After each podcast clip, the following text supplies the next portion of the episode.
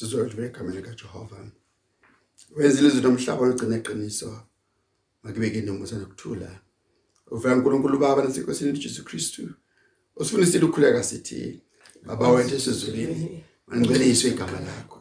Buso wakho mawufike intando yakho mayenziwe emhlabeni njengasezulwini. Mawusiphe namhlanje isinkwa sethu. Zemihla ngemihla usithethelela amacala ethu. Njengoba nathi sibathethelela abanamacala kithi ngasingenise kulingweni kodwa sinise kokubi ngoba umbuso ngowakho namandla nobukhosi kuze phakade. Amen. Siyavuma ke ukukholwa kwethu imazwe eshumi nambili. Sithi ngiyakholwa uNkulunkulu uyise usomandla umdali wezulu nomhlaba nakuJesu Kristu indodana yakhe ezelwe yodwa inkosi yethu. Wamukelwa kumoya ingcwele wazalwa intombi Maria wahlupheka kuPonto Pilato wabethelwa esiphambanweni wafa wembele wehlele esihogweni ngosuku lesithathu wabuye wavuka wafileyo wenyukela ezulwini uhlezi ngasokunene sikaNkuluNkulu uyise usomandla lapha avela khona ezothetha amacala abahleziyo nabafileyo ngiyakholwa umoya ngcwele ngiyakholwa ibandla likaKristu elingcwele eliyizwe zonke nakulo kuhlangana kwabangcwele ngiyakholwa ukuthethelwa kwezono nakukho kwamzimba nakukho ukuphila okuphakade. Amen. Siyabonga Nkosi Jesu. Siyabonga ukuba nalesikhathi sokuza kuwena sizokukhonza sizofuna ubuso bakho sizoletha kuwe izinkathazo zethu zonke. Ngoba uthe asiphonse kuwe zonke ingxaki zethu wasithembisa wathi wena uyasikhathalela nangalesikhathi ke Nkosi size ebusweni bakho sifuna indlela emhlophe. Sifuna Nkosi yami impumelelo. Sifuna usinqobele zonke izimpi. Ngaba izifo ezisihlaselayo nobhubhane lwemkhuhlane enganqamuki eqeda abantu bethu eqeda isizwe sakho eqeda abakholwayo eqeda konke phambi kwethu. Ngalesikhathi siyaqalekisa egameni likaJesu. Sithi Nkosi sizwe. Nkosi sihawukele. Nkosi sizwele. Sipheke Nkosi ukuphumula sikhonze sikhululekile sikhonze ngenjabulo. Kungekho unyembezi emehlweni ethu engekho umzalwane wethu osusiwe. Siyakhulekela Nkosi abanezehlo ezingakhulumekiyo ezibehlela emakhaya abo nasempilweni zabo. Sibabeka kuwena lesikhathi sithi Nkosi ibo uNkulunkulu njalo njalo. Sipheke izwi lakho manje. Khuluma enhlizweni zethu. Uqondise usiyale sifundise egameni lika Kristu siyathandaza. Amen. Amen.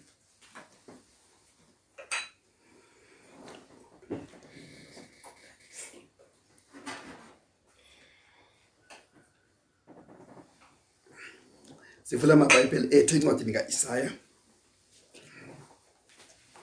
Sifunda indaba endala. Isaya 55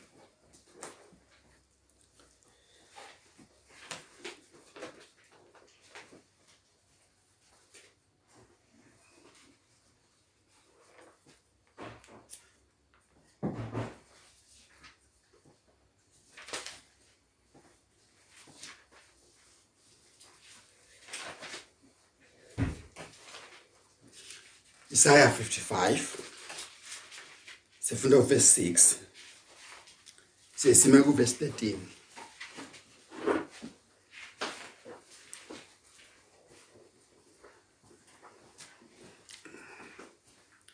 55 verse 6 sime kuverse 13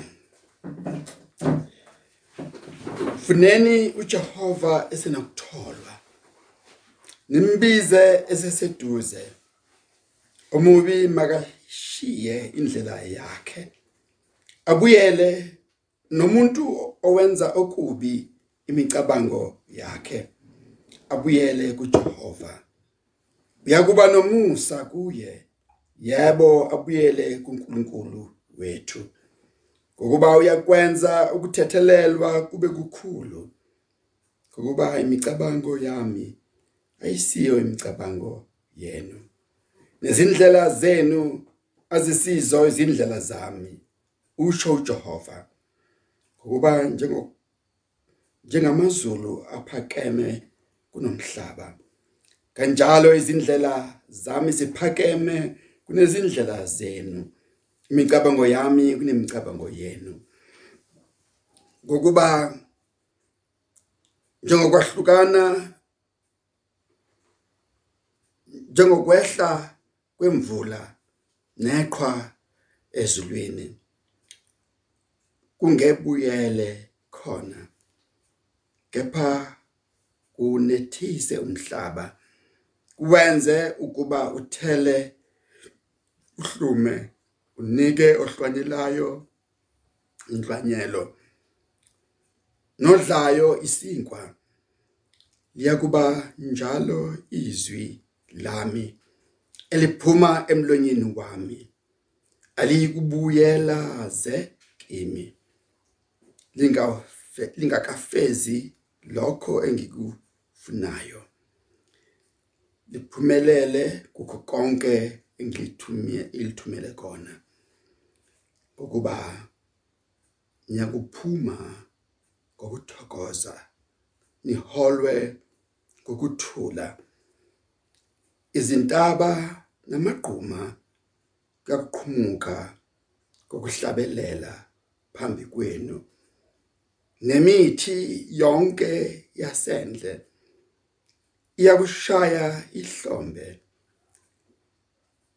Esikhundleni sogagane yakumila umstriphosi nasesikhundleni samakhakhasi kuyakumila umbovana. Kuyakuba igama kuJehova nesibonakaliso esinge esingapheliyo esinga esiyaku esingayikunqunywa amen. Siyabonga Nkosi izwi lakho. Nangalesikhathi siyalamukela ehlizweni zethu likhulume. Lixelise njalo phakathi kwethu ukuba sizwe sikholwe. Kufezeke lonke icebo lakho. Egameni lika Jesu amen.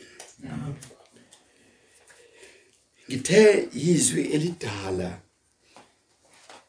ngoba bonke abakholwayo alizwile asebekhulile. Bonke abashumayeli bezwi asebekhulile badlulile kulona bakhuluma ngalo. uIsaya uqale evesini lokuqala lesahluko lesifundile 55 emema abantu abamzwayo emema abantu abahlaseleke isomiso nabahlaselwe yinxano ebamemela ekuphuzeni ubisi. Emema abantu abalambile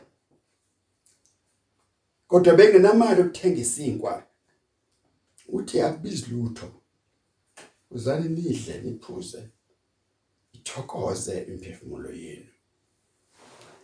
Uma sefika kuleli verse lesithupha uyashintsha ithoni yakhe. Ukukhuluma kwakhe kuyashintsha. Ukhuluma manje kubantu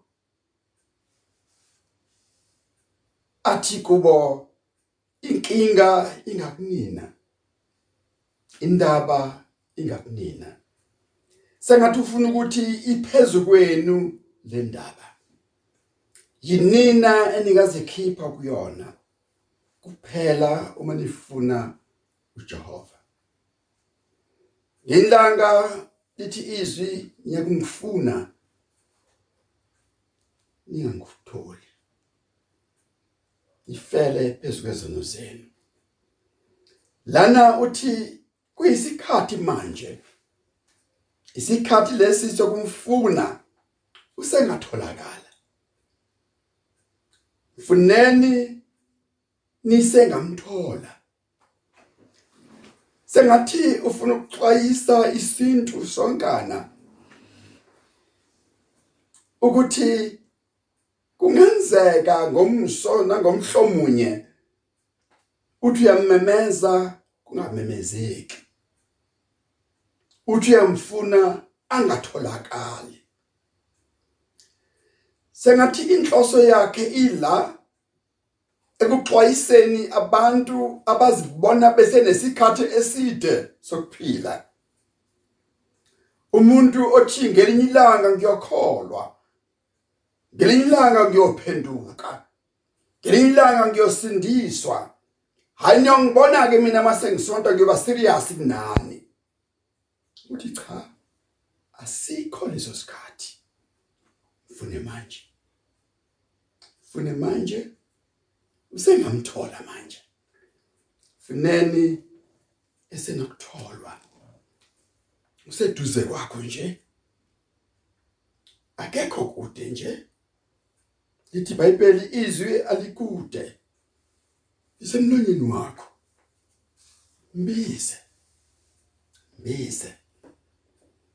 Uma ubuka isikhathi esiphila kusona isikhathi sezifo esingaziwa isifo esisheshisayo esimshaya manje umuntu ntambama kasekho esimhlaba namhlanje na umuntu isonto lingapheli isifo esinsuku zimbili ukolesithathu siyathunwa. Sengathi bekufanele sibheke amazwi kaIsaya ukuthi usumtholile yini? Usumtholile yini? Umnakamtholi fone fone sumtholile yini? Ungakamtholi imbize memeze memeze. Uze usho njengombhalo ongcwele othi ngamfuna ngamfumana ngamfaka kuwo onke amakamelo enhliziyo yami.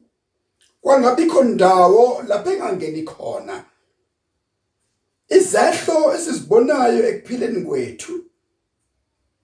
Izigulo esizibonayo esikhathini sethu.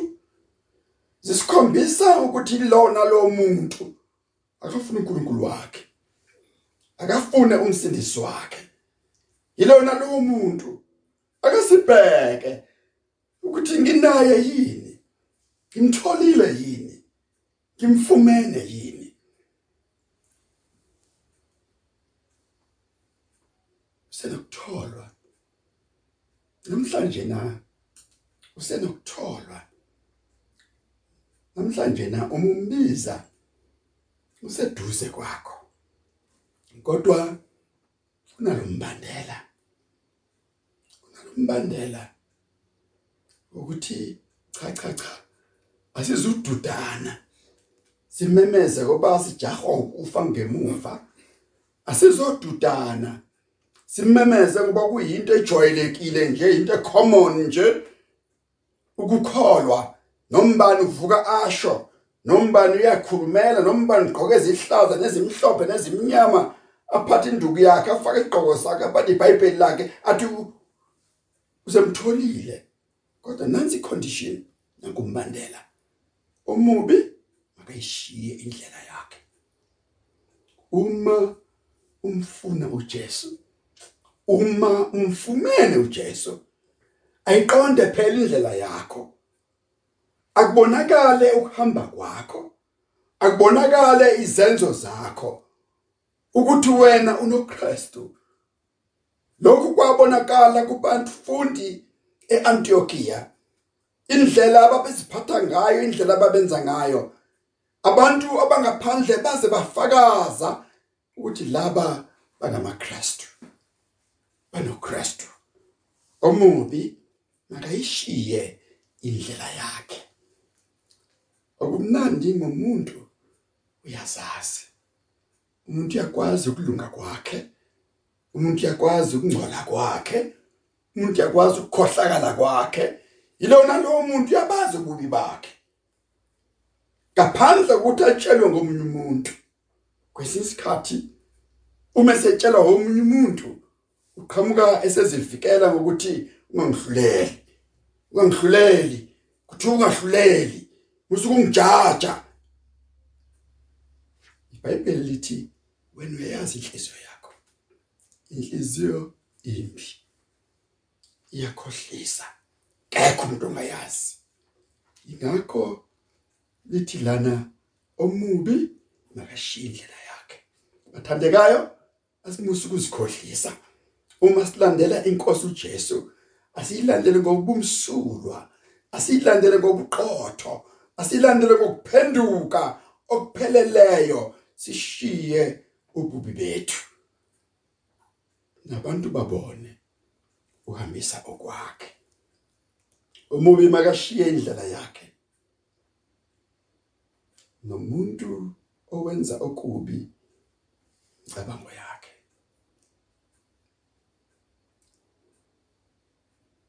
Kulula ukushiya indlela yakho ngoba iyabonakala igqamile. Izenzo zakho ziyaziwa emphakathini ziyaziwa emndenini ziyaziwa kuphi nakuphi. Kodwa khona into ezifihlakele ezibolile kumuntu lezi esemqondweni wakhe khona izono zengqondo. Khona izono zemcabango khona izono ezifihlekile.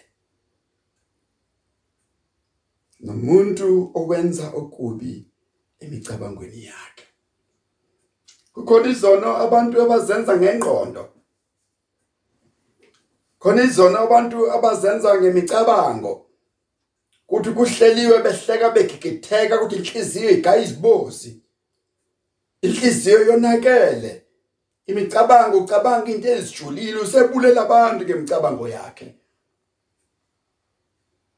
Uselelese imiphefumulo eminingi ngemicabango yakhe. Lithi iBhayibheli nalowo muntu akaphenduke akaphendukele kuNkulunkulu akaphendukele kuNkulunkulu wethu. Akabuyele kuNkulunkulu wethu. Uyakwenza uyakwenza ukuthethelelwa kube kukhulu. uNkulunkulu unomusa kodwa umusa wakhe ufuna wena umfune. Ufuna wena uqale umthole. Ufuna wena uzihluphe ngaye. Ufuna wena ushintshe indlela ohamba ngayo. Ulahle izono zakho. Ulahle imicabango yakho. Ubuyele kuNkulunkulu wethu. Uyakwenza ukuthethelelwa kube kukhulu.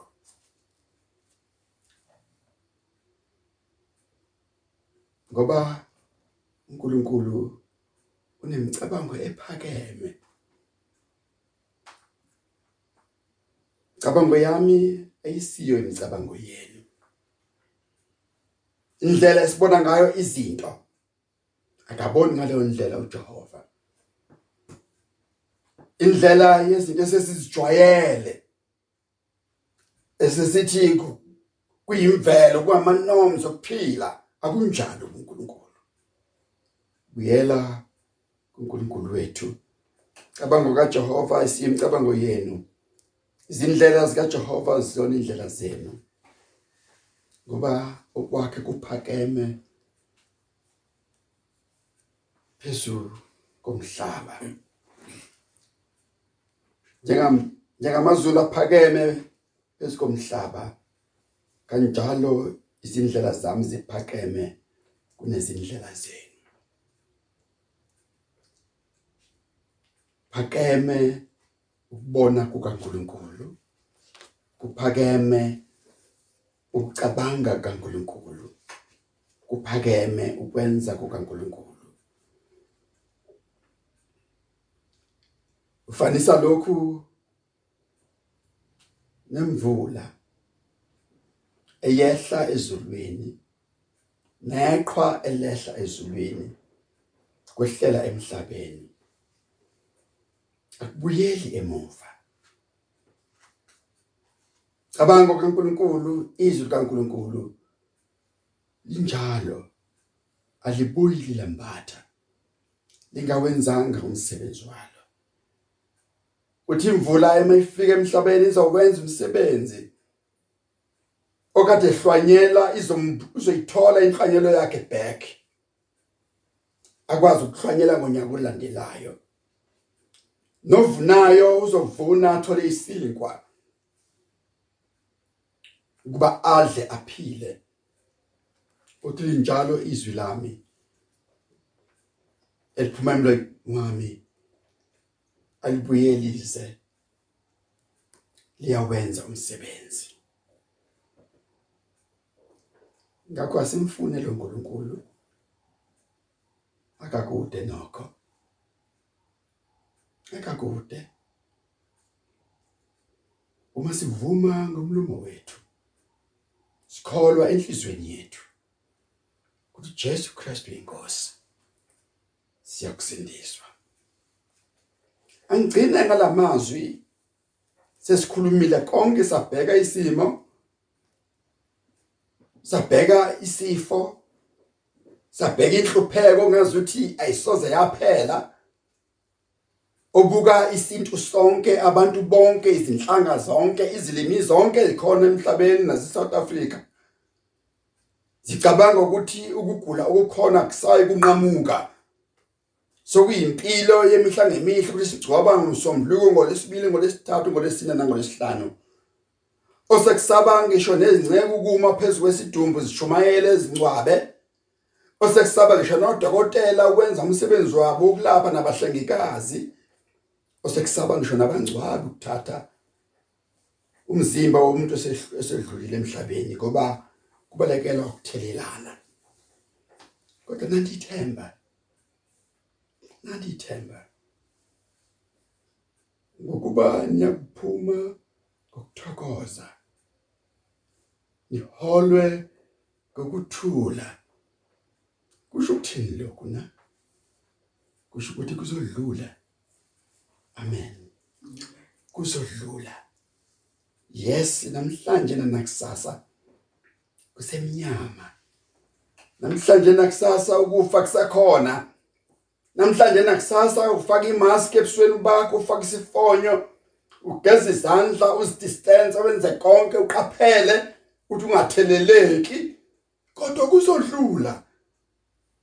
Zigcine uclean zigcine udistance ugcine konke konke konke. Kodwa kuzodlula yifu nje elimnyama eliphezulu kwesinto lizophuma ilanga lokulunga inokuphilisa emaphikweni alo.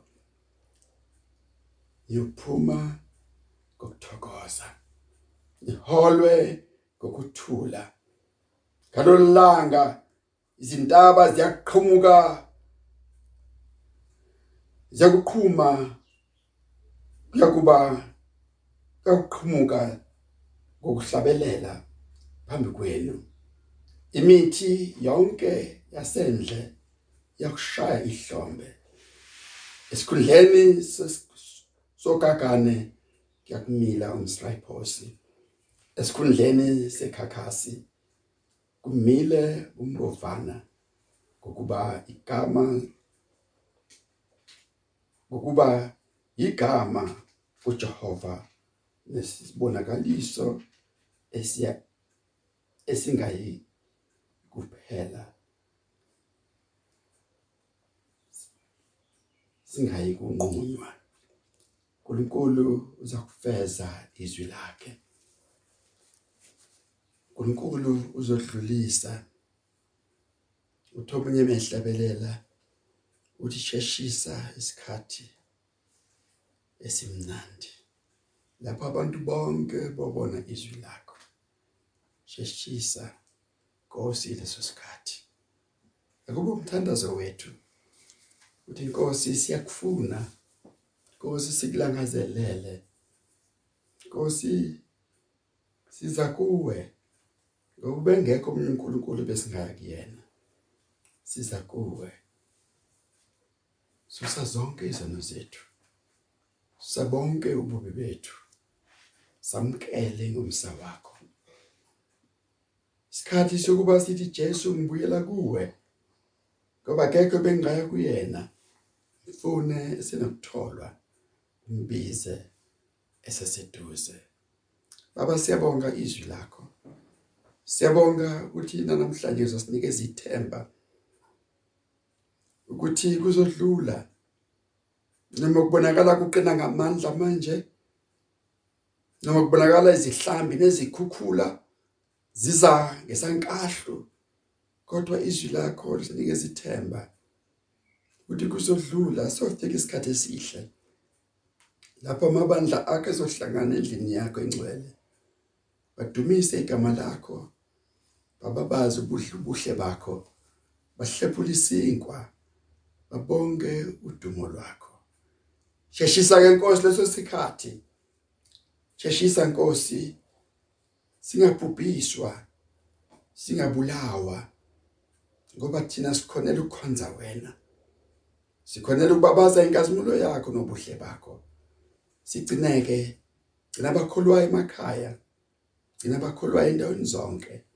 Ibandla lakho ibandla likaKristu lilondolozwe livikeleke.